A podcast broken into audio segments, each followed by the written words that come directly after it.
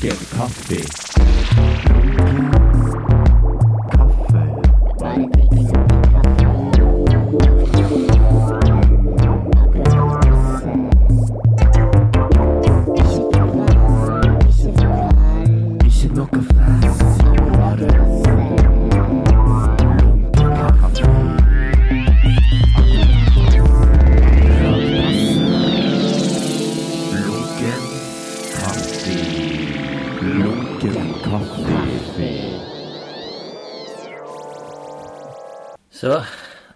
Er vi tilbake i denne settingen, Anna Ile. Hvor er vi nå? Nå er vi i Namsos. Mer spesifikt, takk. Eh, Norsk Sagbruksmuseum. Mm.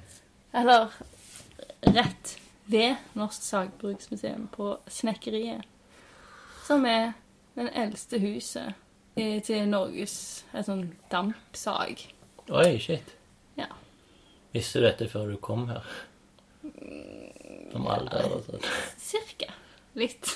Ok. Men eh, hvorfor er du her, da? Hvorfor er jeg her? Eller, jeg vet jo hvorfor jeg er her, men Nå skal jeg fortelle. Jeg skal fortelle nå. ja. Men eh, bare la meg stoppe deg bitte litt og si velkommen tilbake til Lunken kaffe. Og velkommen tilbake i Lunken kaffe-setting på Anna Iles residency-aktige greier. Ja, det stemmer. For dette er faktisk sist Korrekt. gang vi snakkes, var vi i eh, Trondheim. Ja, det er forrige vi snakkes, ja. Ja. Eller eh, det har jo vært med sånn, i sånn bikarakter i et par lunken kafeer, det skal jo sies. Så eh, folk bør jo vite hvem du er nå, hvis de er en ivrig lytter. Men eh, ja, tilbake til hvorfor er vi i Namsos, da? Tilbake i Trondelag. Trøndelag. Trøndelag. Trøndelag syv måneder seinere. I fjor så fikk jeg et stipend fra Kunstmuseet i Nord-Trøndelag, Mm. som er i Namsos. Og da fikk jeg penger. Og en måneds opphold. her. Ah, bonus. Ja, så for å få de pengene, så må jeg òg være her. Så du har ikke fått de pengene, du har bare ikke lovt? Jo, jeg har fått de. og du har brukt de? Ja Jeg mailte de i forrige måned og sa at de trengte pengene for å kjøpe billetter hit. Eh, hvor mange måneder tok det før du fant ut at du skulle ha plassen, til du var her, da? Jeg visste meg jeg skulle hit i, siden fjor sommer. Ok, så det er nesten et år, da. Ja. Mye researchperiode om det her sagbruksmuseet. Jeg har faktisk eh, gjort mange andre ting i løpet av det året. Så for å være helt ærlig så har jeg ikke fokusert på Norsk Sagbruksmuseum. Nei, men du, du, du kunne Men, jo din, din, historikk. Min sag. Ja. Så nå er du her, og du har vært her i to uker nå. Ja, snart. Hvordan syns du denne plassen er i forhold til den forrige plassen vi brukte som eh, opptaksplass på Lunken kaffe? Ja, det var du- vi i Trondheim. Mm. Da satt vi under et bord Mm. som passet seg veldig godt, så bygde et lite studio under. Eh, nå sitter vi i et veldig stort rom, så lyden er sikkert særlig annerledes. Jeg kjenner sånn eh, Hva er dette? Sånn during i ørene, for det er liksom Det er så lite lyd her utenom min egen stemme akkurat nå at det er en sånn piping. Tin Ok. Tinnitus. Å ja. Nei, det er jo mye, mye roligere her, ja. Mm. Og så i dag er det fint vær. Det er liksom første gang det har vært fint vær. På to uker. Ja. Så bra. Perfekt å sitte inne og ta opp lunken. Ja, så jeg håper dette blir sykt kjapp eh, gaffi. For du vil ut i været. Ja, men vi kan jo eventuelt bare liksom ha litt sånn pauser der vi går ut og ser på solen. Ok. Og så kan vi liksom komme inn og forklare litt om hvordan solen ser ut. Ja. Mitt aller første segment, som ikke har jingle, er Hva har skjedd siden sist? Lunkent gjensyn heter den. Jeg, jeg holder ennå på å prøve å få jingle til den, men det tar litt tid. Og når den episoden er ute, så er det ikke sikkert skjedd at en har en jingle. Vil du synge en rask jingle til han, eller? Uforberedt? Du har jo vært med og sunget før i selvskrytsegmentet Ja, på skal han ha noen sånne noen liksom, Hva skal inngå i den jinglen? Um, jeg har savnet deg. Uh, jeg trenger deg. Kom tilbake til meg. Okay. Lunkent gjensyn. Ok. Det var en improvisert okay. eh, Ja, tekst, jeg, men jeg har Jeg har savnet deg. Jeg har savnet deg. Jeg, hva var det da? Jeg har savnet deg. Jeg har savnet deg Jeg lengter etter det. Nei, var det det? Jeg glemte det allerede. jeg, uh, jeg har savnet deg Jeg har lenge kan, Jeg, jeg er litt treg, jeg. Ja, jeg òg. Jeg har savnet deg Men du kan være med å finne opp tekst. Okay. Jeg har savnet deg. Jeg trenger deg okay. tilbake. Nei, jeg bare det jeg trenger deg. Jeg trenger deg. Lunkent gjensyn. Ok. Jeg savner deg, jeg trenger deg, lunkent gjensyn. Ok, jeg tar fra meg en til. Jeg, jeg, jeg, jeg savner deg, jeg trenger deg, lunken gjensyn. Jeg savner deg, jeg trenger deg, lunkent gjensyn. Da har vi lunkent gjensyn. Ok. Hva har skjedd siden du var i Trondheim? Og da mener jeg mest kunstnerisk, siden dette er en kulturpodkast. Å ja. Jeg ta, kan jeg ta på meg syvende sansen nå? Ja visst, det er jo syvende sansen, lunken sansen. Jeg husker ikke helt hva jeg har gjort. Ja, men det her er jo filofax, og jeg liker å kalle det på gammelmannsspråket. Ja. Ok, skal vi se. Så da blar vi tilbake i tiden etter eh, desember 2016. Så finner du ut litt Masse sånn deilig lyd fra sofaen. Ja, deilig, deilig. Ja, i 2017, det er egentlig dette året, da. Eh, for jeg Mm. kom jo hjem til jul. Ja. Og så um, begynte jeg had, eh, Fikk jeg uh, skjært ut en sånn grunnform i tre, linn, på um, treverket i Hafrsfjord. Linn er tre treslag mm. som brukes um, eh, Som har vært mye brukt i treskulpturer til treskjæring i norske kirker, blant annet. Mm. Så da fikk jeg eh, hjelp til å lime sammen en haug med tre. For jeg har ikke de eh, Ja, jeg har ikke det eget sagbruk, da. Så jeg sliter litt med det. Så da fikk jeg gjort det i begynnelsen av uh, januar, var vel det. Mm. Um, så egentlig i løpet av våren så har jeg jobba en del med den her formen som skal bli en skulptur. Ja, kult. Um, som jeg skal vise for første gang nå i desember i Oslo. På Galleri Ram. Ram, ram, Ram. ram, ja. Er det en forkortelse for noe? Det vet jeg ikke. Eller er det ramme? Ram? En forkortelse på rammen? Ram. Ram. Nei, nå ble jeg litt usikker. Jeg ble litt flau, på en måte. Nei. Men ja, så det har jeg fortsatt med. Det var eh, veldig spennende. Kult å se hvordan de jobbet der. Og det var egentlig ekstremt mye dyrere enn jeg hadde tenkt meg eller budsjettert med. På den Men, eh, plassen de limte Ja. Så ja, altså, apropos, det er derfor jeg har brukt opp de her eh, stipendet her Ah, til denne her greia. ja. Men ja, ok, videre. Jeg har jobbet egentlig veldig mye med Studio 17. Det er jo du òg med. Mm. Det har vært veldig omfattende mye jobb. Mm.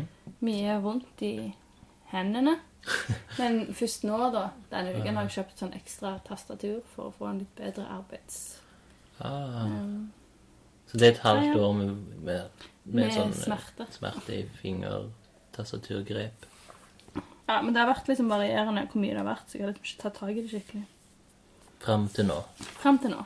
Um, skal vi se Jeg blar Anna forsiktig i filofaxen sin. Når jeg tar et lite blikk bort, så er det veldig mye. Ja, jo, og så var jeg i Malmö og i København en tur. For det er noen kunstnere jeg har lyst til å jobbe videre med neste år. Til en, til en større utstilling som jeg eh, jobber med.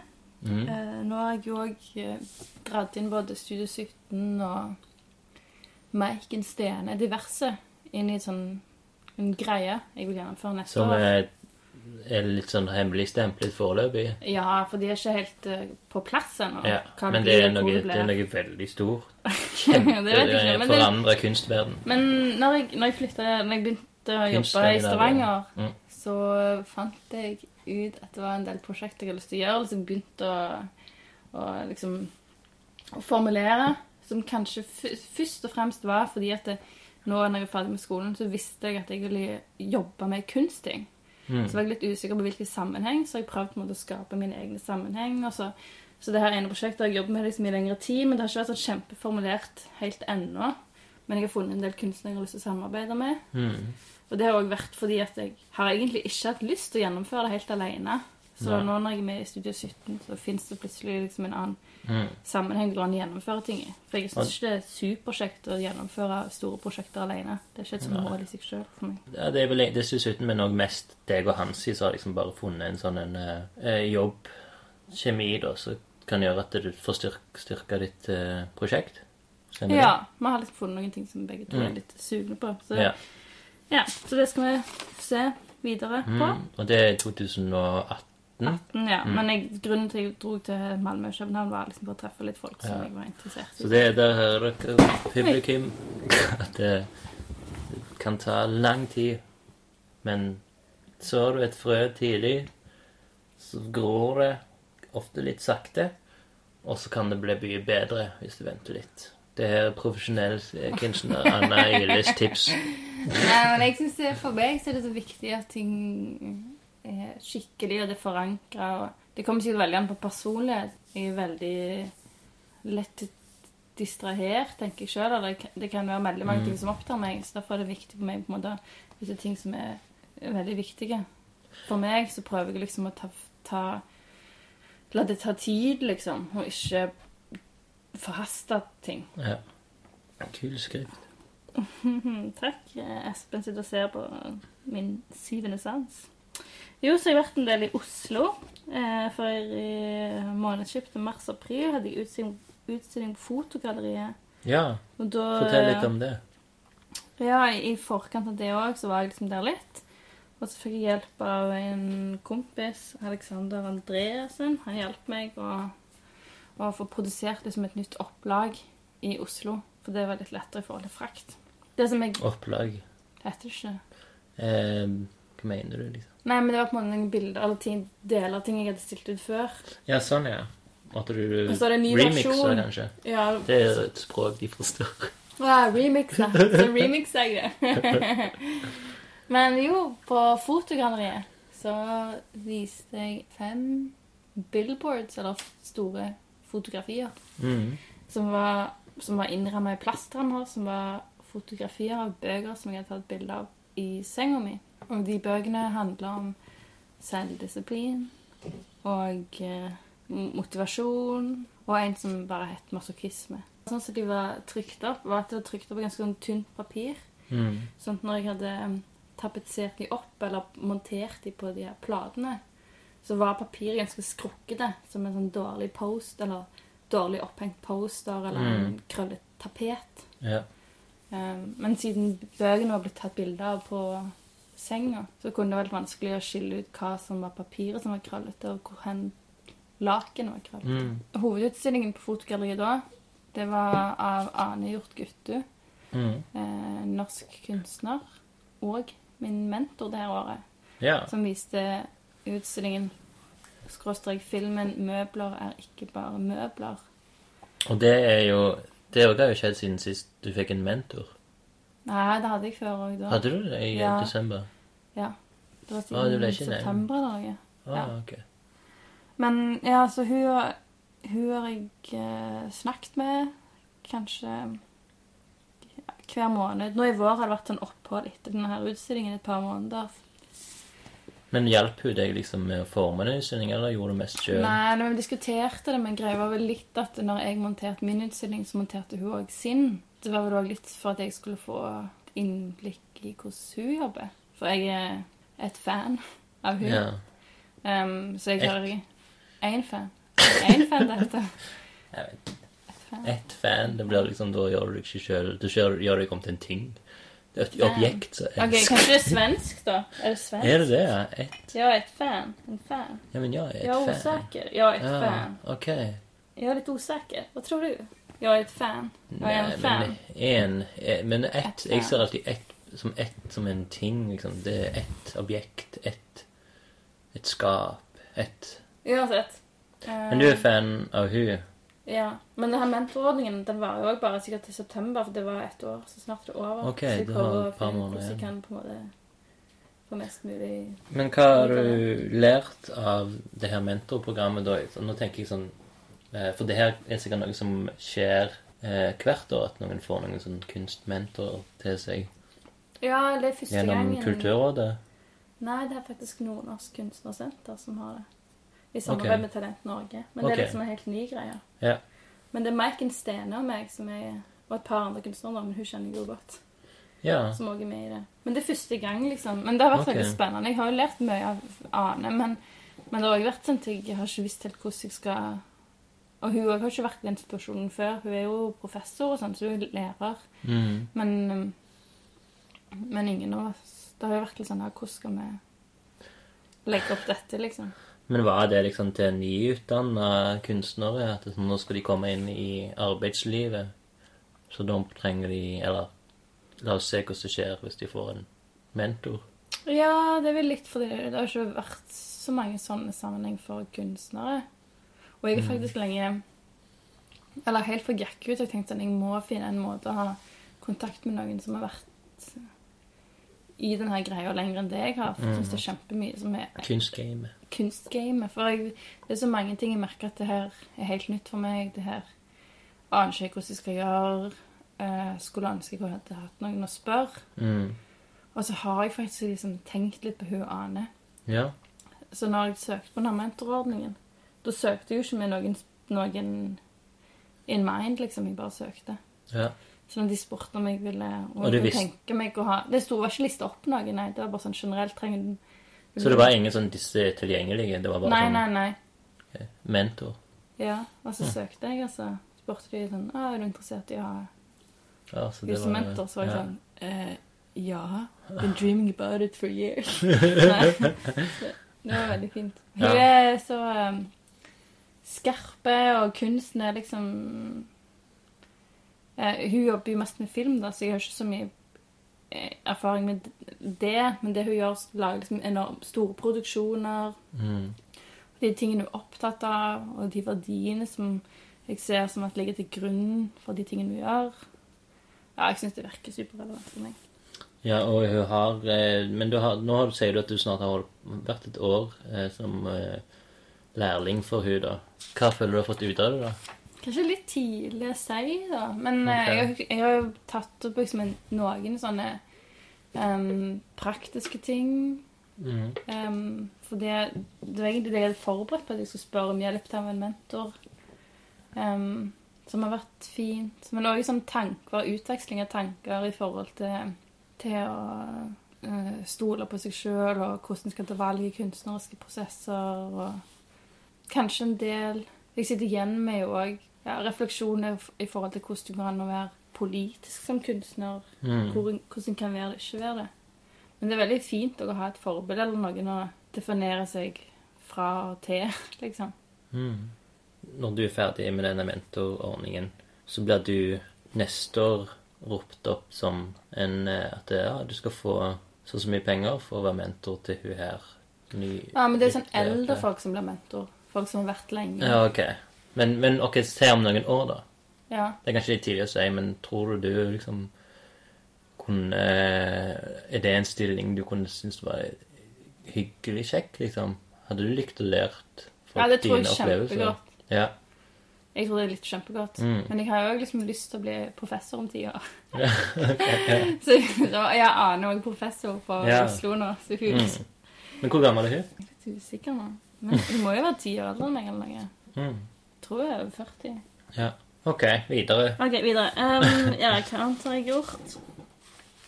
Blar i den syvende Tilbake til den syvende sansen. Ja, så søkte jeg på stipender. Det var en utstilling som jeg skulle ha som ble avlyst, eller utsatt til neste år.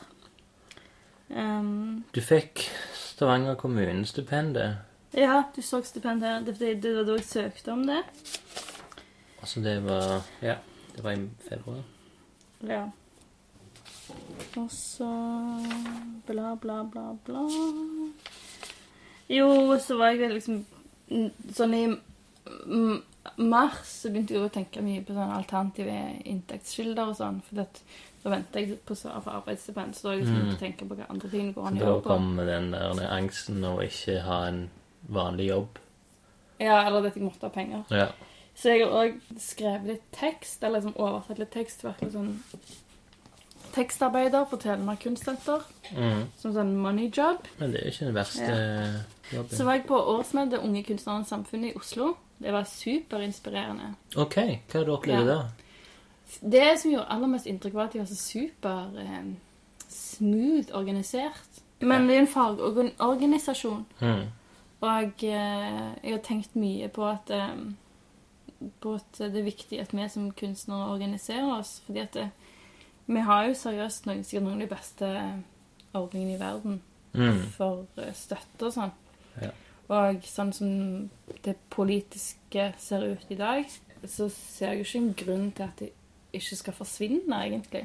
Fordi at det er så pressa.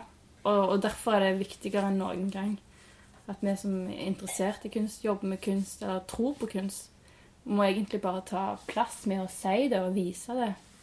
Fordi at det er viktig at vi bevarer det som finnes i dag, Mm. for å sikre en bredde i kunsten fremover.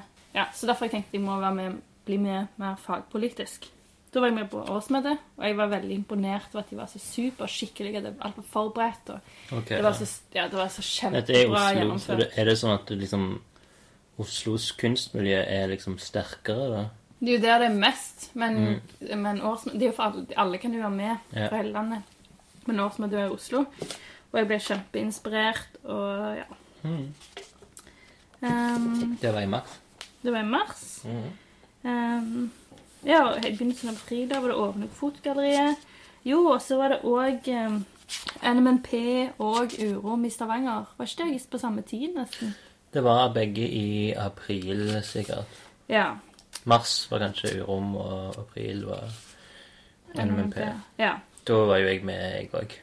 ja. De her to. Og på de så var det liksom um, Det har jo jeg dis diskutert en del med deg off lunken kaffe. Men det er liksom når jeg blir, har blitt spurt med ganske kort frist om jeg vil være med på noe. Mm. Og så har jeg vært sånn Altså I don't know. For det, fordi Det jeg har jobbet med ting i så kjempelang tid, og så, Mm. og så skal jeg gjøre noe uh, utenom det som har veldig kort tidsfrist. Ja. Men så det som jeg valgte egentlig både på Urom og uh, NMNP, var at det er liksom sykt kult når det skjer ting i Stavanger Ja. som har liksom den, den helt annen energi. Mm. Og egentlig være med altså Jeg ble med på begge tingene. Men da testa jeg jo greier. Mm. Så det er litt mer som en sånn skisseplattform, men som på en måte føles litt kjipt, da. Men det er jo på en måte Begge de to tingene er jo sånn eh, Mesteparten lokale folk, og det er liksom bare Kom her, gjør din kunst, blæ, her skjer det, liksom. Og det er liksom bare Det er en Det mer, handler mer om den, den kraften med liksom bare gjøre noe på kort tid. Det er jo det det handler om. Ja, det. For det det, ja, eh, og det er jo egentlig helt motsatt av sånn jeg pleier å jobbe. mm. Men det må jo være litt lærerikt, det òg. Selv om det er kanskje Jo, litt det, det er jo det. Så jeg har jo tenkt på at ja, det er jo en test, liksom. Så nå har jeg en utstilling etter jeg har vært her i august, og så tenkte jeg jeg skulle ta med meg noen ting fra det jeg gjorde på ja, et av de her scenene Ja. Det ville vise seg. Ja. Men eh, jeg, bare får la meg nevne at det er liksom eh, Sånn som jeg opplever liksom eh, kunstmiljøet i Stavanger, det er jo gjennom sånne ting som det. Ja.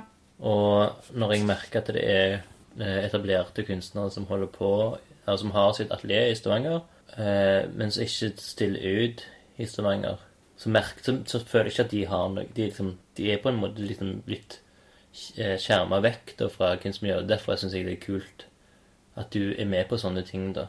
Som gjør at du, liksom, du Ja. er ennå med liksom, i miljøet. Du er jo selvfølgelig styrer, er med og styrer styrestytten òg. Men at du er med på sånn, tror jeg òg gjør at folk, eh, både sånne som ikke er etablerte, og liksom folk som prøver å komme opp, liksom ser at du faktisk er her, liksom, med, med disse her eh, litt mer uetablerte. Og Mm. jeg tror det kan bety mye for miljøet, da. At det er en bra ting for miljøet. Det er jo bra. Mm. Men jeg må jo, også- kan jo også si dette on air, Mm. for uh, Mm. du har jo uttrykt liksom litt frustrasjon over at folk som er etablerte, ikke er med liksom på alle de tingene som skjer. Som eksempel de her tingene Urom eller NMLP. Ja, eller jeg, jeg, jeg ser liksom bare den der eh, Hvis du skal være med i miljø- kunstmiljøet, så må du liksom også vise deg litt mer. Ja, men du, du uttrykte også at det var så dumt at når folk ikke vil være med på sånne Ja. ting. Ja. Og da syns jeg det er kjempeviktig liksom, å vise fram det her perspektivet. At hvis du jobber med kunst fulltid, Mm. sånn, så har du kanskje egentlig eh, Noen vil jo ha booka opp ting i to år framover. Og, eller kanskje de har en stor utstilling neste måned. Eller det er ikke, sant? Det er ikke, det er ikke samme type perspektiv nødvendigvis som en som er nyutdanna liksom kan være med på alt. For det er andre typer forpliktelser. Men nå har jo du vist det, på en måte det motsatte med at du faktisk du har mange ting på gang, men du gjør Ja, det men jeg vet ikke nødvendigvis om det egentlig var lurt. Det vil vise seg. Sant? Um, Hva som ikke er lurt, men det blir liksom nei, for nå har på en måte våren min har vært veldig oppdelt og sånn. Og det er ikke så digg å vise ting som en skal teste ut. Jeg syns det skal være veldig fint å vise ut ting som jeg jobber lenge, som jeg har en slags trygghet i. eller sånn. Det her er jeg så sykt stolt av. Det her må jeg vise. Mm. Um, for det husker jeg Nå er det en del år siden, men det var en periode det var så ekstremt mange kunstnerstrevne steder i Oslo. Så når jeg var rundt og så på ting, da fikk jeg en sånn følelse av at oh nei, alle vil bare liksom vise masse greier. Så jeg bare følte, Det var så tydelig at det var ikke ting som Det var så masse som ikke var gjennomarbeida. Det var sånn Men det er jo Um, liksom jeg, jeg tenker da med gruppeutstillinger, da er det på en måte noe helt annet enn so, eller med separatutstillinger. På grunn av at eh, det trenger ikke handle om deg. Eh, du kan liksom bare gjøre noe og Nei, det trenger ikke handle om meg. ja, ja, Nei, men eh, så, som, så kan du heller fokusere litt mer på soloutstillingene, liksom, og så Ja, ja, men jeg synes syns jo det er en greie å ha liksom en respekt for folk som gidder å se på det. sant? Så jeg synes jo, jo, det er litt sånn... jo, jo, men du lager ikke bare noe som blæ, liksom, men Men det er liksom det som er litt sårt òg, når jeg har på en måte deadlines som jeg ikke kan vise gjennomarbeida ting til, men heller liksom bare åpne opp for noe. Og det her holder jeg på med nå. Se Mm. på dette. At det er òg litt sårbart, da. Det du forteller nå, at, liksom, at denne frustrasjonen jeg hadde egentlig jeg, jeg, Før jeg ble kjent med faktisk folk som har en lever av kunst Eh, Når du lever av kunst, så må du jo faktisk eh, eh, Da kan du jo ikke ta sånne ting som det som, jeg, som Du får ikke betalt for det. Og det er liksom eh, Det går litt mye i veien for liksom sånn som det er planlagt. Så det er selvfølgelig Jeg har jo fått en helt annen forståelse, en ny respe eller annen respekt for uh, de her mm. uh, mer etablerte, da. Og forståelsen er jo liksom sterkere uh, Kanskje etter jeg har liksom vært med deg mye, da. Men det er jo liksom sånn som Det er jo med å styre kalori, så ville jeg jo ha at, Sånn som at to, Tove Kommedal hadde utstilling på Studio 17 som er en, en av de herrene som er etablerte, som lever etter kunst og sånn. Men eh, sånn som det hun kom med der, det kunne passe rett inn i både Urom og NMMP.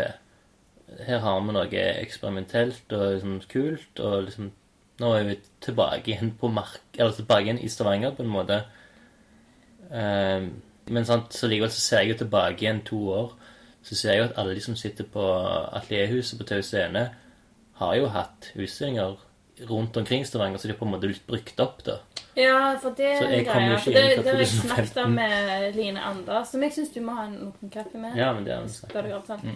Hun har liksom hatt utstillinger på mange plasser i Ja. Stavanger. Så er det sånn Hun har vel ikke hatt i Studio 17 ennå? Har hun ikke det? Nei, for hun har styrt det hele tida. Ja, men hun skal ha neste år. Advertisement! Alert, alert, alert. Jo, men ja, det er nemlig det. Du kan ikke liksom drive på for mye Ja. i det lokale. Mm. Og så er det også hva du tenker som er ditt publikum, liksom. Jeg tenker ikke spesielt at mitt publikum er Stavanger eller noe sånt. Men ja, jeg holder på med våren fremdeles. Ikke ferdig. Jo, men det har vært mye i Studio 17, og så bestemte vi hvem som skulle være i høst. Ja. Det var kult. Valget. Ja, det var spennende. Der alle var fornøyde. Ja, det var veldig spennende. Det er Studio 17s høst blir veldig bra. Det blir det. Hilsen Espen og Anne. Kaffen har blitt lunka, forresten. Skal vi skåle, siden det er en sånn obligatorisk plikt? Ja, skål. Skål. Ja, veldig lunkent. Jo, så i mai så begynte jeg å jobbe mye med velferden allerede da. For i velferden Maiken Stenes, Velferden i Sokkendal, Ja. så var jeg sammen med Lager mye lyd i denne sofaen. Maiken Stene. du var litt, litt på besøk, men det var først og fremst Hans Edvard Hammonds og Nina Jensen og Alexander Andresen. Og jeg bestemte meg for jeg hadde lyst til å skrive om samtidskunst og om de folka som var der, hvordan vi jobbet, men i et lokalavisformat. Mm. Så det var da et samarbeid med Dalende Tidene, som jeg skrev en ukentlig spalte som het Ukens velferd. Mm. Og det jeg skjønte da, når jeg skulle lage denne um, spalten, var at uh, med sånne avisdeadlines og sånn, så må jo det være inne egentlig før. Så det meste av det med velferden måtte vi egentlig gjøre før velferden begynte. Og så uh, fikse det fram ja, etter hvert. Men det kan jeg jo se egentlig både i forhold til urom og LMP, og egentlig nå òg, var at uh, et tema som jeg har vært veldig opptatt av, har vært ferie. Mm. Hva det er. Ja, for du jobber jo med eh, kunst som i Eller arbeids... Ja, jeg tenker jo også Ja, jeg tenker eh. veldig mye på at jeg jobber med kunst i en, på en arbeidstid. Mm. Og jeg lurer på når er det arbeid, når er det fri? Mm. Og det er egentlig det jeg jobber med her òg. Så nå i august skal jeg ha en utstilling i Skien sammen med fotograf Verena Winkelmann. OK. Vi skal stille ut sammen på et lite sted, HI10 i Mm. Og begge skal vise slags selvportrett. Med temaet ferie. Ja. Mm. Så selvportrett i feriemodus. Modus. Men ja, imellom der har jeg jo vært på Venezia-biennalen og på Mm. Dokumenta. Dokumenta Mm. var jo du med òg. Mm. Pluss jeg var i Stockholm en tur òg. Når var det, da? I vår en gang? Kanskje i april? Det sto så masse ting her i denne syvende sansen. Jeg finner det ikke helt nå. Men eh, For da skulle jeg egentlig til Stockholm for å pakke ned tingene mine, for jeg har ting i et atelier der. Mm. Så jeg må pakke sammen, for jeg kan ikke fortsette å bruke det atelieret. For jeg er jo nesten ikke i Stockholm, så det er liksom tullete at jeg har ting der. Ja. Og det fikk jeg ikke fiksa, nå, Så det skal jeg gjøre i slutten av august nå. Skal jeg eh, Det er neste kunstprosjekt. skal jeg hente de tingene. Men eh, når jeg var i Stockholm nå, så var det liksom for å Eller i vår så ville jeg treffe et folk, for jeg savner vennene mine. Mm. Og da var det òg samtidig tilfeldig Sissy Sissi hadde en utstilling som åpna på Slottet. Ah, nå kom endelig det segmentet som jeg har gledet meg til i mange måneder. For Ja. eh, da må vi bare stoppe deg litt. For at det, når du skulle bort til Stockholm, så bestemte vi oss for å lage en åpen kaffe etter du kom tilbake igjen. For da du skulle i middag med det kongelige På Slottet. På slottet. Trodde jeg. ok, Men det, jeg har ikke hørt noen ting om dette. Nei, men det var ingen vits. Jeg var så skuffa. Jeg var så skuffa. Jeg vet ikke hvorfor. Jeg tror kanskje fordi jeg er kristen og tror på Gud. Jeg vet ikke, greia at jeg, jeg kjenner ingen andre som er så opptatt av de kongelige. Bortsett fra folk som er religiøse, som Hmm. meg selv. Sant? Hvorfor er de opptatt av konger? Jeg lurer på om, du, om det er folk som på en måte tror eller aksepterer liksom, noen som har mer makt. Ok. Uh, jeg, jeg har ikke helt forstått det her. Jeg, jeg forstår ikke hvorfor jeg er det. For det er jo En av de første budene er jo du skal ikke ha noen andre guder enn deg sjøl, og kongen er jo på en måte den nærmeste du kommer til en gud. Ja, jeg, vet ikke, jeg vet ikke hva det handler om, men jeg syns det er ekstremt spennende med overklasse. For det er så Ja. jeg, Og jeg syns det er spennende med folk som er veldig rike. Mm. Og uh, Men forklar meg, da. Du kommer til Stockholm, du forventer en middag. Du har fått jeg, får- jeg, får, vite det rett før jeg hadde fått invitasjon i posten fra Det kongelige slott. For det er Ja. Sissi, Cecilia Hultmann, heter hun. Fantastisk tegner, god venn Ja. av meg, som er i Skien nå. Mm. Um, Shout-out til hun. Shout-out til hun. um, men i alle fall så hadde greia at hun vet at jeg digger kongen. Ikke kongen, da, men jeg elsker sånn Det eh, kongelige. Det kongelige. Herskapelige. Ja. Og så hadde hun sagt hun skulle på middag til kongen. Og da hadde allerede Idun sagt Idun Bartelsen, shout-out, eh, som òg hadde hatt litt eh, kongelige møter eh, i Sverige. I Sverige så er liksom kongen Hemmelige kongelige møter. Nei, men eh, monarkiet, eller Bernadotte-familien, er liksom kobla til en del kulturpenger i Ja, Sverige. ja. Så jeg hadde vært, eh, eller er, har vært og er misunnelig på de vennene av meg Ja. som eh, henger ut med kong av og og så sa Sissy at eh, hun var invitert, for hun skulle være med på en tegningsutstilling. ja. Og da var jeg helt sånn Wow, shit, så kult, så kult. Mm. Og da på et eller annet tidspunkt så var jeg sånn Forresten, Anna, jeg kan ha med pluss tre. Vil du være med? Og jeg var selvfølgelig Seriously? Det er akkurat dere har kjøpt billett til Stockholm allerede. Jeg må være med på Slottet. ja. Eh, så stakk jeg Sissi, for du hadde sikkert tenkt at, eh, at du skulle ha med noen andre, men hun visste allerede at jeg var så fan av det kongelige. Eh, så da ble jeg med. Du hadde liksom fått dårlig samvittighet. Ja, jeg, jeg vet bare at hvis du hadde vært med tre andre, og ingen av de var meg på Mm. slottet, så hadde hun bada. Eller jeg hadde bada, så hadde hun bada. Men i alle fall så var det Så det fin der resten av livet. Ja. ja. Så var det vennskapet over. Ja. Nei, Men heldigvis. Men ja, så jeg var med. Um, så det var da en uh, slags uh, ehm, reception på Bernadotte-biblioteket på Slottet. Jeg kjøpte finsko, hadde ikke finsko, så jeg var i butikken, kjøpte sko til 700 kroner. Fra de pengene du fikk av Namsos eh, kommune. For å gå på middag. Nei, jeg trodde det var, jeg trodde, det var jo ikke middag lenger. For jeg kom med der, Ja. så var det liksom en tale og sånn. Men hvor er du nå? Du kommer inn på bibliotek.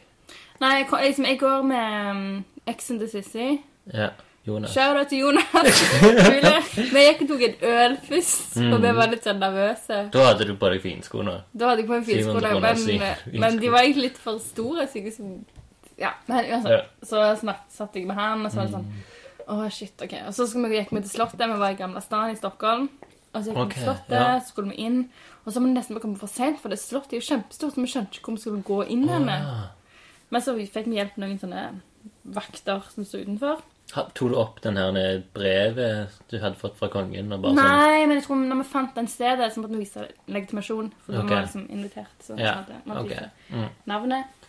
Så kom vi inn, og så måtte vi liksom ned en trapp. Det var noe sånn I den selve kjell... Slottets En slags kjellerting, og så var det oppe et bibliotek. Og da fikk vi også instruksjoner om hvordan vi skulle oppføre oss. Ja, kongen, kommer kongen kommer, om kongen, kommer om Ja, Carl Gustav. Ja.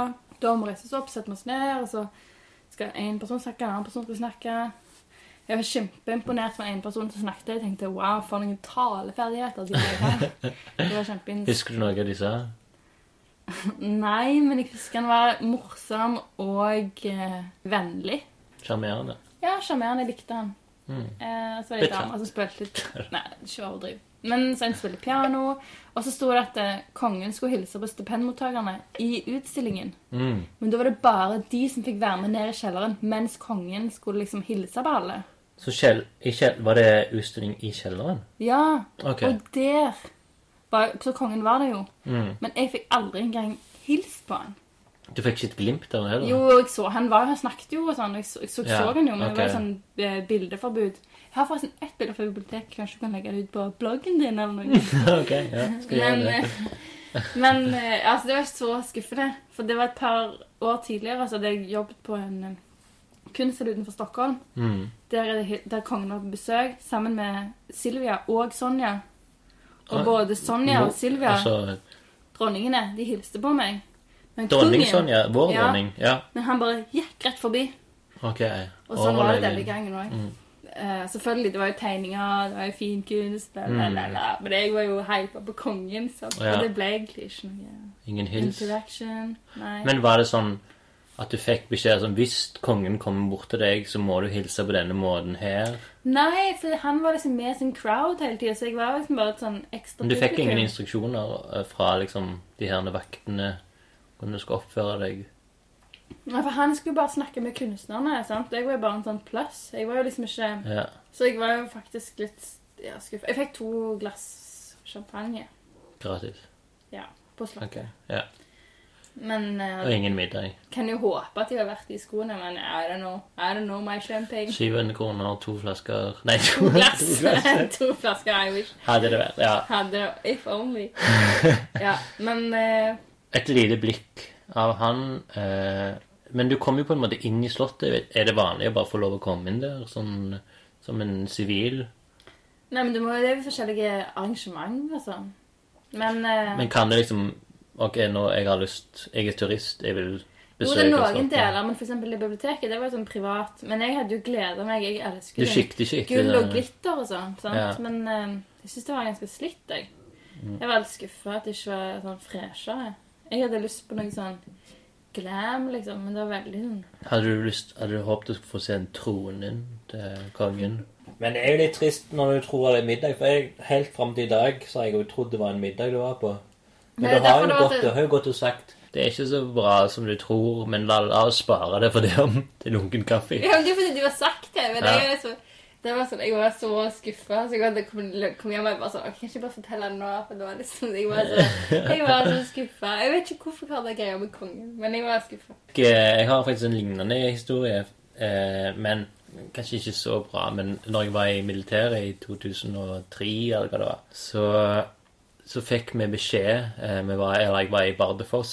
Eh, altså rundt det området der så skulle kongen komme opp. Da, liksom, det fikk vi beskjed om at ok, nå må alle liksom sjekke uniformen sin, for nå kom eh, kongen. Og jeg var liksom sånn eh, Jeg var litt sånn redd. Liksom. Jeg hadde ikke lyst til å møte kongen. Liksom. Jeg var jo var sikker på at jeg kom til å drite meg ut, liksom. Men så var det sånn, kom noen bort og ja, men, ja, men heldigvis eh, eh, Menig Birkedal eh, Du skal ikke hilse på kongen, for det skal unge herr Neset gjøre. Men for unge herr Neset var liksom korporal, da, som betyr liksom at du har fått en liten sånn stripe rett over eh, Altså rett over menig. Jeg så han på avstand liksom hilse på kong Harald. Så, men der likevel så var det bitte litt sterk, liksom, for jeg så jo at han gjorde det. Jeg sto Ja. liksom der på en måte sånn Sjekket utstyret, sto liksom der i rett. Og så kommer liksom han og han Han heter jo bare eh, korporal altså, Han heter Neseth. Men grunnen til at jeg sier unge herr Neseth, var fordi han Jeg spurte sånn, ja, sa noe til deg, sa han noe til deg? Så sa han sånn, ja, ja, ja. Han sa, veldig fint å hilse på deg, unge herr Neseth. men, Har du noen gang vært borti Harald, da? Bare for siden nei, men liksom sånn har jeg tatt på. vifta meg eh, Sånn har jeg Ja, holdt ok. i hånden, for å si det sånn. Um, men ja. Så Venezia, dokumenter um, Kunst, eh. Og nå på um, i Namsos. Og så skal jeg på ha utstilling i Skien. Ok, så det har skjedd siden sist. Uh, Ja, det var min. Så og mitt eh, Mine Jeg vet ikke Mine ferietanker. For det er din nye kunstneriske eh, approach, eller tema. Um, Ferie. ok, men Kan jeg fortelle at eh, for noen år siden Det er en sånn samtale, en personlig situasjon, som jeg har tenkt mye på. Mm. Egentlig i flere år, når jeg har jobbet med et tema som tilknyttet arbeid, men som også er sånn ferierelatert. Det her var kanskje i muligens i 2010. Mm. Så var jeg invitert på et bryllup i Malta til ei venninne. Ja. Og da var det noen andre venner fra for lenge siden som òg var der. Som alle hadde, de hadde sånne viktige jobber. Jobbet skammøye, som jobber som de likte. Og så var de på, på besøk i Malta på det bryllupet, men som også var litt ferie, da. Ok. Så jeg hang liksom på stranden og sånn med de her folka. Og bodde med dem. Og de snakket så sykt mye om at um, endelig hadde de ferie, de fortjente å ha ferie. Det var så digg å kunne chille litt. Mm. Og jeg hadde ikke råd i det hele tatt til å være i det bryllupet. Jeg trengte penger, jeg hadde ikke ekstrajobb, så jeg bæda sånn, for jeg ikke hadde penger til å være der. Mm. Og når liksom de slappet av på stranda og sånn, så lå jeg der og tenkte jeg kan ikke slappe av. Jeg fortjener ikke at jeg har ikke rett til dette. Jeg vil egentlig bare hjem og jobbe, men jeg har ingen jobb. Mm. Og den følelsen som det ga meg, at jeg ikke hadde, at jeg ikke hadde rett på fri, at jeg burde ikke være der, for jeg burde jobbe på en jobb som jeg ikke hadde, den følelsen har jeg liksom tenkt veldig, veldig, veldig masse på. Ok. Eller en ting som det går an å skryte av, som jeg tenker at mange skryter av, er at de er så sykt stressa, har så ekstremt masse å gjøre, Mm. og de jobber så masse, og å, de er slitne, rekker aldri treffe familien sin, men de elsker jo jobben sin, og de sover lite, de jobber masse, og bla, bla, bla. Det er, det er veldig mye sånn at det, det er sånn som jeg opplever det, og liksom, jeg tar òg liksom eh, pride i det liksom å bare jobbe og aldri ha ferie.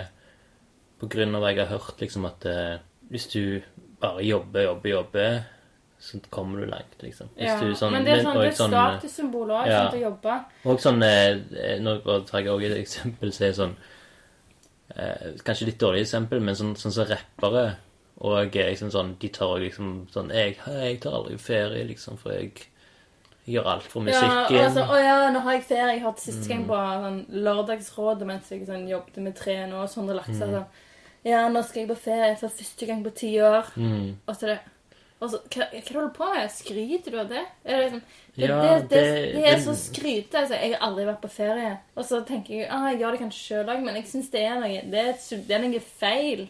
Ja. Jeg har faktisk vært ganske opptatt av det sjøl. Og liksom Det å bare jobbe, jobbe, jobbe med dine egne ting. Og liksom bare Fuck ferie, liksom. Nå er det liksom Jeg gjør mitt, så alt, alt annet betyr ingenting. Ja, men det er det. Jeg gjør mitt, så alt annet betyr ingenting. Ja. Og jobbe, jobbe, jobbe, jobbe. Mm. Ja, du kan jo komme langt med det. Mm. Men det er òg ekstremt eh, selvsentrert, liksom. Mm. At hvis du skal få tid å se på andre, så må du liksom løfte blikket litt. Men det er jo litt sånn eh, Sånn så jeg hørte Ingvild Melberg si ganske tidlig da når jeg kom inn i kunstmiljøet. Det var sånn, For jeg var veldig sånn forundra på hvorfor folk ikke kom på kunstutstillinger på Studio 17. På sånn, sånn Ja, hvorfor er ikke de som er på Erfjordgata Hvorfor ser ikke jeg de på utstillinger og bla, bla? Så sier hun liksom sånn Ja, men det er det som er kult, for de jobber jo. De jobber jo hele tida. Så de får ikke tid til sånt. Seriøst, sa hun det? Ja, og da var det, da var det faktisk Line som var en av de sånn rollefigurene da, for henne. da. At du syntes det var jævlig kult liksom at At Ja, men du har ikke tid. Du har liksom, du har heller bedre liksom Bruk heller tida på ditt eget Eller sånn din egen virke, liksom. Ja. Og så tenkte jeg sånn Ja, men herregud, det er jo forståelig. Jeg kan respektere Ja. det. Egentlig. Ja. ja, jeg merker jo sjøl, eller for min egen del så eh, Nå for tiden så har jeg vært også så veldig privilegert at jeg har hatt eh, stipend og sånn som de kunne brukt Jeg kan tenke på det å gjøre kunst som min jobb, og fordi at det jeg får inn penger på. Ja. Men eh, Så det vil jo helt sikkert være annerledes den tiden som kommer når jeg ikke har det sånn. Så da vil jo ting endres òg. Men jeg tenker at uansett altså tenker jeg ikke at, at det skal være et sånn statussymbol. At det skal Nei. være noe kult, liksom. Det her er òg knytta til min sånn kristne eller religiøse identitet. Mm. Men at um, uh, Det her var dumt jeg ikke kan huske helt hvor, hvor det kom ifra. hvor det kom ifra. Men uh, um, muligens var det en svensker som kommenterte Skam, kanskje. Jeg tror det var det. Så det er en uh, YouTube-comment. Jeg leder til en svensk podkast som okay. kommenterer Skam, Mm. eh, fjerde sesong. Mm. Som jeg òg kjente meg ekstremt mye igjen i som en konservativ kristen ungdom. Ja, for sesong Det er det hun Sana. Sana som, Som er muslimsk, Mm. hovedkarakteren. Som blir forelska i en ikke-muslimsk person. Ja, men det som jeg tenker er less important. Men det som er interessant, er at hun legger veldig mye vekt på å prøve å, være, liksom, å forbedre seg selv som menneske. Mm. Eh, Og det kjenner jeg veldig mye igjen i fra liksom min, eh, min barndom, ungdom. Og hele tiden prøve å være et bedre menneske. Ja, sånn, ja. Og det er ikke det samme som å prøve å være en bedre Anna. Det, Mm. det handler ikke om selvrealisering i det hele tatt. Det handler om å være en mer decent person. I En be- et bedre folk. menneske i forhold til andre folk. Mm. Uh, og det handler jo ikke selvrealisering om. Selvrealisering handler om å være sin beste jeg. Mm. Om å liksom utrette mest sjøl. Mm. Og det tenker jeg at òg det her arbeidshetsen handler om.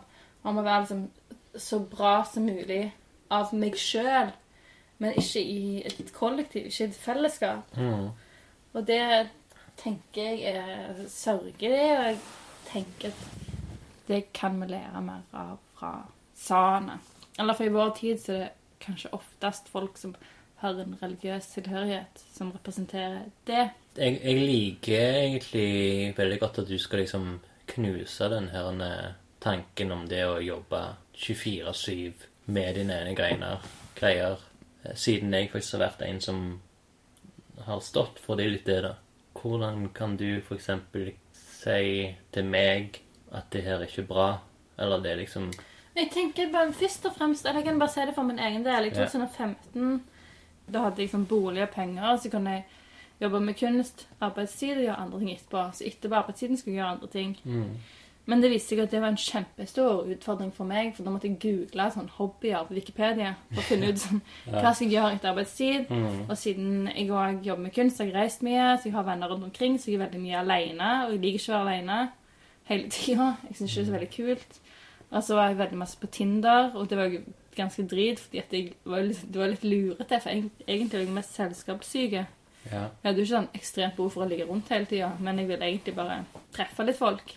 Ja. Men jeg ble også frivillig i Røde Kors som flyktningguide. Og som flyktningguide så er det jo også folk som kommer til et sted, som trenger å treffe folk. Mm. Som kan språket, men også bare ha litt folk å henge med, sikkert, som er fra en annen kontekst. Mm. Og det var en sånn super vinn-vinn-situasjon.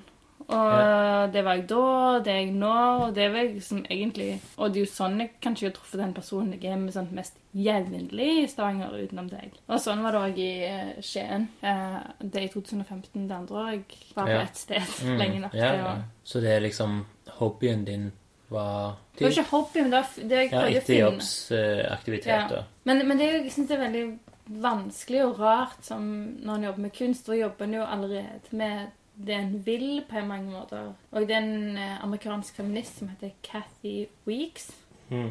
som skrev en um, Boken heter 'The Problem with Work'. Mm. Og i en av tekstene som er i denne samlingen av tekster, så skriver hun om, om hvis, Spesielt hvis du er dame, for da bruker du enda mer tid på husarbeid og matlaging og sånn òg. Så hvis du liksom legger sammen arbeidstidene på jobb, arbeidstidene hjemme, og det, den tiden som er igjen etterpå det, er så veldig, veldig veldig lite. Men hun, hun argumenterer jo for at arbeidsdagen bør være kortere, for da får du mer tid etter jobben Ja. til å faktisk oppleve andre ting. For hvis en er bare helt utslitt sant, etter jobben Det eneste en vil da Hei til deg, meg, alle andre. Ja, Det er sånn å se en TV-serie. Mm. Men det er jo tragisk hvis det er det som fyller livet vår etter jobb. Hvis jobben vår Mm. er så mektig og sånn altomsluttende at det eneste vi orker etter jobben, er å se den der danske krimmen som jeg lengter etter. Hvis faktisk den tiden etter jobb da Mm. kan være en sånn plass der vi har tid til liksom, til og med kjede oss og tenke over ting, så er det sånn Å, men shit, det er da jeg må, må treffe folk og sånn. Mm. Og kanskje òg treffe noen som jeg har behov for å treffe noen. At det kan være en sånn bra plass for å, for å ta del i samfunnet på en bedre måte, da. Mm. Og det skjer jo ikke hvis alle er helt utslitte etter jobben. Nei. Hvis vi bestemmer oss for å ta mer tid etter jobb til å gjøre ting, så kan jo det skje. Så hvis du elsker jobben din, så ikke bruk slidegud med den, men heller liksom bruk overskuddet liksom til til noe annet. For vi skal jo liksom leve lange De fleste av oss skal leve lange liv. Og hvordan skal vi gjøre det liksom til at det blir en OK prosedyre å leve det livet? Finne ut hvordan tida kan være OK. Jeg er enig for så vidt, liksom, men hvis jeg jobber fra ni til fire, så er jeg jo redd for å havne i den Netflix-fella, eksempel. Ja. Og det er jo den der Det som jeg merker at det er mange som bare Sånn som jeg har vokst opp med, som bare sier sånn Ja, i en voksen alder så sier jeg sånn Ja, nei, jeg jobber jo for helga, liksom.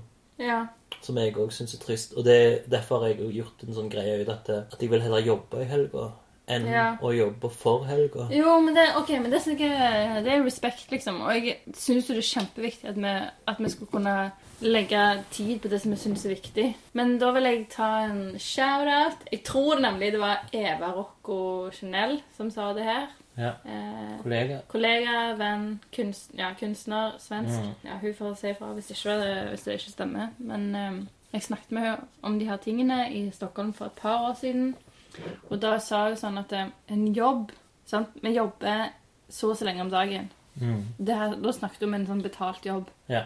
Og den jobben er jo ikke betalt for å gjøre oss utkjørt resten av døgnet. Den skal jo bare betale for de timene. Mm. Så de timene som du får betalt for, så skal du bare jobbe så mye at du orker å leve resten av døgnet. Ja. Sant? Så ikke legg for mye jobb i jobben. Mm. Hvis det er en sånn jobb du får betalt for. Fordi resten av døgnet, da skal du òg overleve. Du skal ikke rehabiliteres neste dag. Du skal liksom chille og gjøre kjekke ting. Ja, men eh, ok, nå har jeg en annen eh, scenario. Nå, kom jeg bare på det at eh, når jeg jobbet med animasjon, så jobbet med døgnet rundt. Men da hadde vi òg filosofien fra de som lager South Park, Trim Parker og Matt Stone. For jeg hadde hørt i et intervju at de, de jobber kanskje tre-fire måneder, måneder i året. Og da jobber de veldig hardt hele tida. Eh, liksom bare sånn 24 timer i døgnet. Nesten liksom, De får kanskje et par timer søvn hver dag. Men det, det gjør de, for det, det her er en intens periode, så de bare jobber hardt. Og da kanskje det er liksom, kanskje de har funnet Men om, hvis jeg tar det i liksom et annet eh, greie med at du, du finner liksom kan, den delen av året som du er Best mest på. best på, og bare jobbe, jobbe, jobbe, jobbe der, og så tar du deg fri noen uker, da. Ja. Det er jo ikke en, en, en måte å gjøre det på. ja, men hvis du kan det, det er det som er Ja, det, problemet men det er jo så kan For det er liksom sånn, Nå så er det sånn Folk spør sånn Ja, skal du på ferie? Så er det sånn Ja Og jeg har jo tenkt at det ja, men arbeidet mitt er en vanlig arbeidsdag. Så er det fri, skal jeg ha ferie. mm, Og så skal jeg hit, eksempel. Og så har jeg tenkt Målet mitt med å være her, det er liksom å få ny energi. Sånn som du vil prøve, prøve å skape ditt kunstneriske eh, virke eller liv, er jo at du vil at det vil få et A4-liv, da, på en måte. Mm. Som mange Som det er liksom sånn punkrock og hater, liksom. Mm. Du er så A4, liksom. Firkanter, liksom. Men så er jeg er jo sjøl veldig glad i rutiner, da. Det er så bra, men jeg tenker jo det handler liksom om hva slags personligheten er. Sånn, jeg, jeg er liksom Jeg er redd for å få en depresjon igjen. Mm. Sant? Og da vet jeg òg at eh, en effektiv metode for å, for å holde meg eh, frisk mm. ja, Det er jo å ha rutiner. Mm. Og, eh, og døgnet ser ut som de gjør. Jeg vet at jeg er våken på morgenen og jeg er trøtt på kvelden. Ja. Det er ikke noe hokus pokus heller. Og det er jo veldig, veldig kult at vi nevner egentlig for at når jeg kom opp her, som er liksom for tre dager siden, så hadde vi for grunnen, eller for Hva heter det? På forhånd. På forhånd så hadde vi lagd en sånn en eh, dagsplan hver Ja. dag for denne uka, som stopper nå på torsdag. Men, Men, den eh, skal jeg jobbe videre med. Ja, det, det spurte jeg om da jeg om jeg kunne ha en sånn. Rett og slett for at jeg ville Jeg syns det var veldig kjekt når jeg var med deg på den her eh, framtids, eh, lysende framtidsutsikter, gullgraver-greia di. For et år siden. Ja. For da hadde du lagt opp en plan, og det syns jeg var veldig kjekt å følge den planen. Derfor vil jeg ha det nå, og det, det føler jeg går veldig bra, da. Lunken kaffe skulle være i dag klokka seks på torsdag Ja, ja, ja. den 20. juli 2017. Men det som er litt interessant, da, for når jeg traff deg, så husker jeg Alle snakket om at du ikke pleide å planlegge lang tid framover, og at det, du likte ikke å planlegge, Mm. og det var viktig for deg, liksom. Det er fremdeles viktig å, eh, å ikke planlegge mer enn én uke foran deg. For meg, mener jeg. Eh, på grunn av at det, det er så mye som kan skje, og, og det ble, liksom, du ble, jeg blir låst. Jeg liker ikke den- at jeg blir låst i planlegging neste uke, for det gjør jeg egentlig bare liksom en uke foran. Men ikke mer bare på av at det, at det er liksom ennå åpninger, da. Jeg vet ikke, det er noe med frihet, tror jeg, å gjøre det. det med at jeg er redd for Men, å men selv med en så betyr ikke det at det ikke kan endres. Nei, Det er liksom en fremdriftsplan, bare for å vite at ting liksom skjer. Jeg får veldig dårlig samvittighet hvis jeg bryter ting jeg planlegger sjøl. Ja. Hvis du fatter. Men jeg har drevet planlagt ting og drevet brutt ting helt siden jeg var liten. Jeg tror liksom jeg begynte på barneskolen, så begynte jeg å skrive sånne planer. For hvordan Mm. skulle Jeg, Jeg burde egentlig funnet de der dagbøkene. Ja. Jeg skrev sånn klokka seks skulle jeg stå opp og gjøre scones, så skulle mor og far stå opp, og så skulle jeg servere scones, Oh, så skulle jeg skulle jeg øve piano en time eller en halvtime. Det var sikkert fra jeg var sånn Når begynte jeg på barneskolen? Syv år. Ja. Og jeg husker at mor mi spurte meg sånn Hva er vitsen med å lage de planene? For du pleier å bryte de ofte. Men nå var det sånn Ja, men jeg klarer å gjøre noen av tingene. Hvis jeg ikke skriver opp noen ting, så Er du deprimert? Ja, det ble bra. Men da får jeg ikke gjort liksom noen ting.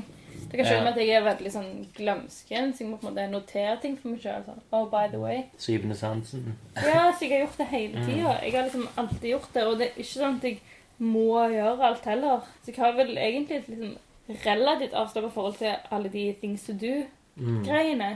Mm. Men de er der som en hjelp, da. Og jeg har egentlig alltid hatt de. Men jeg hadde en kompis som sa at han hadde en han pleide å skrive Eller han hadde liksom 15 minuttsintervaller på hvor lang tid han brukte på ting. Ok. Eh, Som hva? Nei, men ting i løpet av dagen. For når jeg skriver sånn tidsplaner, så er det mer sånn Da legger jeg jo av mer sånn en halvtime eller en time på ting.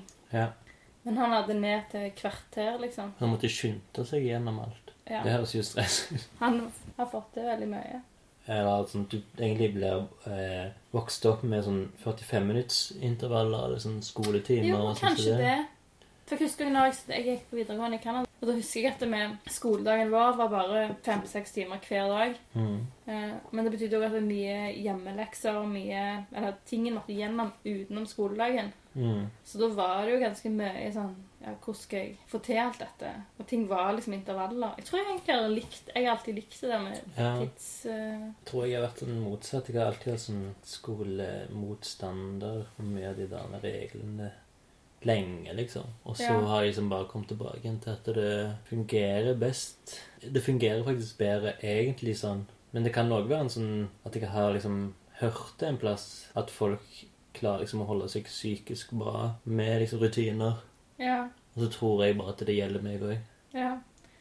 Jeg kan bare si at jeg har vært veldig redd for når jeg flytter tilbake til Stavanger. Så jeg har vært redd for at jeg skal utløse en sånn ny depresjon. Mm. Og så har jeg spurt faren min, som nå er pensjonert Ja. Jeg har jobbet som Shout-out. Nå gjør det i dag. Men eh, ja, han er terapeut. Kognitiv. Mm. Bauta. ba- En kognitiv bauta. Så sa jeg, spurte jeg liksom ja, men hva er det jeg skal gjøre da? For jeg var- jeg er så redd for at det skal gå galt. Mm. Og han bare Rutiner, rutiner, rutiner. Ja. Og da var sånn OK, men da er jeg på en sånn OK track. Og som sagt, liksom, jeg har jo alltid liksom hatt mye sånn planlegging og sånn, og det er ikke alt som følges opp, så det er ikke noe sånn superkontrollgreier, men det er for at jeg skal ha noe å utgå fra, liksom. Så du får liksom aldri dårlig samvittighet hvis du liksom har liksom tenkt ut at du skal gjøre så og så mye Jo, liksom, jeg, jeg tenkte sånn, jeg skal jobbe på ukedagene, så kan jeg ha fri på helgene, og hvis det er et eller annet jeg må gjøre på helgene, så er det sånn, oh, I'm so wild, jeg kan liksom ligge i senga og liksom skrive en mail, eller, og det kan jeg faktisk en ukedag også, men så lenge jeg vet liksom, jeg har en sånn, en standard som funker, så er det greit. Mm. Men jeg vet ikke. Uh, men jeg, jeg spiser jo alltid lunsj liksom akkurat tolv, og jeg får jo Magen dårlig klikker samvittighet. hvis det går Ja, men jeg får jo dårlig samvittighet når jeg er for sent hjemmefra. og sånn. Og jeg er jo alltid litt for sein. Men det er jo ingen som tar tida på meg. Men det er likevel sånn at jeg alltid sånn Å nei, når jeg er for sein. Når du er liksom sånn som du har liksom Du får stipend eh, Jobb Nei, hva heter arbeidsstipend Mm. for at du skal liksom manage din egen dag. Så er det jo kult at du faktisk gjør det òg. Du følger Men hva annet skulle jeg gjort? Jeg kunne liksom bare eh, drevet i det, men jeg Men Eller jeg hva mener du? tror ikke at det er folk som får stipend, at de bare sånn Å, shit, nå kan jeg sove til klokka er tolv. Komme opp. Og jeg Jo, er mest må kreativ jo. når klokka er tolv om natta. Ja, men da er de kanskje Ja, men kanskje de er det. Jeg ja. er jo ikke det. Jeg er jo ikke det.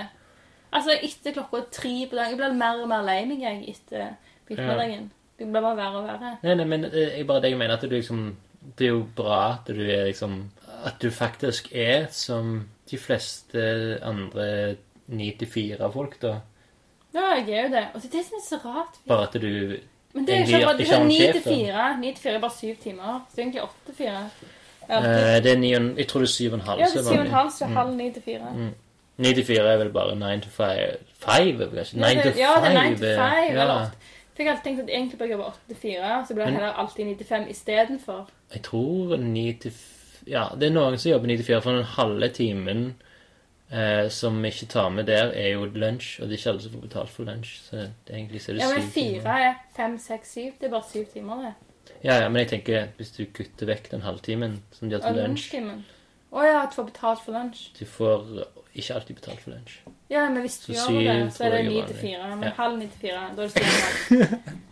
Ja, men du får, da er det, hvis du ikke får betalt for lunsj, da er det åtte til fire. ok. Det er på høy tid.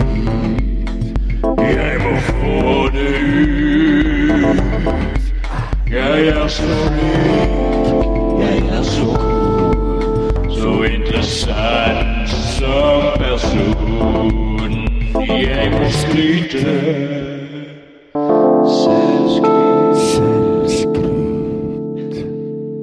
Som den ukronete mesteren i selvskryt, Anna Eile, har du lyst til å gå inn på klassiske lunken kaffe-segmentet selvskryt? Ja, men jeg har jo skrødet. Ja. Wow. Mer? Det er jo den som har skrevet det mest i lunken kaffe, egentlig. Er det? På grunn av NMMP-showet, som hadde du skrevet om fem-seks ting. Men jeg tror ikke jeg har noe mer å skrive Har du ikke mer? Har du noe nytt? Har du no Ok, promoter deg sjøl, da. Hva, hva er neste utstilling? Er Skien? Ja, med fantastiske fotograf Verena Winkelmann. Første uken i Nei, andre uken i august. Ja. Og på Galleri Ram rett før jul i Oslo. Mhm. Og jeg håper det blir noe veldig fint i desember, men jeg er vettskremt òg. Ok. Men ehm, jeg er ikke liksom På NMP da var jeg på sykt sånn skrytete humør. Jeg er litt mer low, eller litt mer eh, Men det vi kan skryte av i selvskryt, er at begge to har vært med å ta imot en, eh, et stipend fra fylkeskommunen. Ja! Og det du, Hvor du var da, egentlig? Venezia. Du var i Venezia.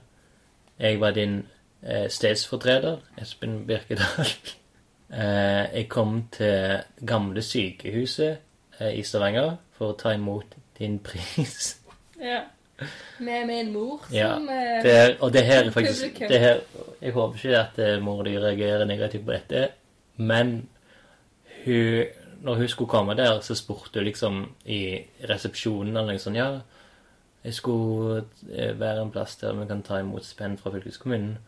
Og så så den personen som sto i resepsjonen, på henne og sa sånn Ja, har du vært hos mammografen noen gang? og, og så ble jeg sånn Ja, jo, jeg har det mange ganger. så det, for det var liksom i andre etasje fra mammografen. Eh, så der kom vi. Eh, jeg kjente ikke til noen av de andre som skulle ta imot pris. Vi fikk sånne eh, burritos med kylling eller noe sånt. Lefser Jeg vet, jeg vet ikke hva Du det. spiser ikke. Nei, jeg spiser, jeg spiser noe frukt. Tok noe Mozell. Eh, jeg møtte han eh, Han som eh, satt han i fylkeskommunen Hva heter han? heter? Ja, for han som var kompis med Trond Hugo. Er en kompis av Trond Hugo? Ja, til utstillingen. Okay. jeg, jeg snakket litt med Jeg chatta litt med han. Ja, ok. Ja, han var veldig hyggelig. For jeg kom inn der før alle andre. Før mor di hadde kommet òg. Og liksom Han bare så på meg og sa sånn Ja, det er du som skal ta imot eh, Jeg vet ikke hvor han er fra, egentlig, men Å ja, han heter sikkert googla deg. Ja, altså, helt sikkert. Ny Eller han follower. Espen som skal ta imot han. Ja. er Sikkert ikke fra Nord-Norge, men ja. Eh, Du husker ikke navnet på han? Ja, samme det. Jeg gikk ned, satte meg ned, bla, bla, bla. Eh, De gikk gjennom alle folk, og jeg tror du var sist av disse her som skulle få stipend. Og så, og så husker jeg at de sa sånn, ja Og så skal eh, stedsfortrederen for Anna Ile ta imot blomster. Det var ikke navnet engang. Nei! så jeg kom opp, og så tok jeg imot blomster, og så var ikke hvem det var Jeg. Nei, nei, nei, det var bare sånn Så, så, så var jeg liksom nesten klar til at jeg skulle sette meg ned igjen. Så jeg sa sånn Ja, eh, jeg skal egentlig si noen ord. For mailet. Så jeg leste fra mobilen det du hadde skrevet i mailen, en, eh, En veldig fin tale, da. Takketale. Som mor di òg filma. og de ble glade for den talen. Jeg satte meg ned igjen, eh, det var litt snakk. Så skulle vi gå ut og ta masse bilder. Disse bildene kom ut på internett til et par dager etterpå. Internettet, ja. Internettet. Og det gikk en del uker der folk liksom bare Å, du har fått stipend. Og liksom eh, Sånn den barnehagen jeg jobber i, Stokke barnehage, der var det to stykk som liksom bare spurte sånn Ja, jeg følger med på at hva du holder på med. Men jeg så du tok noe imot noen blomster. Og sjefen liksom til Stokka barnehage bare sånn eh, ringte meg og sa Nei, er det sant? Har eh, Hva er det som skjer, liksom? Nå får du penger fra fylkeskommunen. Kunstneren Espen, liksom. Så måtte jeg jo si at det var for min kjæreste. og... Hvordan føltes det? Jeg syns det var bare kjekt. Liksom. Det, var, eller, det var litt rart òg, men eh, det, det var liksom Etter de bildene ble tatt, så kom plutselig hun fotografen bort til meg sånn Hei, jeg må nesten få navnet ditt før du går. For det er ingen som hadde fått med seg navnet mitt. Det var bare Anna Eller Anne Ilas. An Anne Ilas. Anne, for det var veldig mye Anne fra hun eh, fylkeskommunens ordfører. Ja. Jeg jobber med nettsiden til et kunstsenter som jeg også har stilt ut på. Mm. Så nå har jeg òg retta eh, alle andene til Anna i den tidligere utstillingen. nei. Jeg så at det var masse Anne. Ja, Bare, no, no, no. det er din, Dette er en eh, det er din Birkeland. Ja, det er min Birkeland. exactly. Det er noen som på do her. Ja, under her så er det en sånn Folkelig toalett. folkelig toalett. Så hver gang vi hører sånn rulling med ei dør, så er det noen som er på do. Mm. Og med de ordene så kan vi jo si takk for i dag. Takk for Ja. denne gang, Anna Ile. Espen Birkeland. Lunken ut. Lunken ut. Kaffe. Kaffe.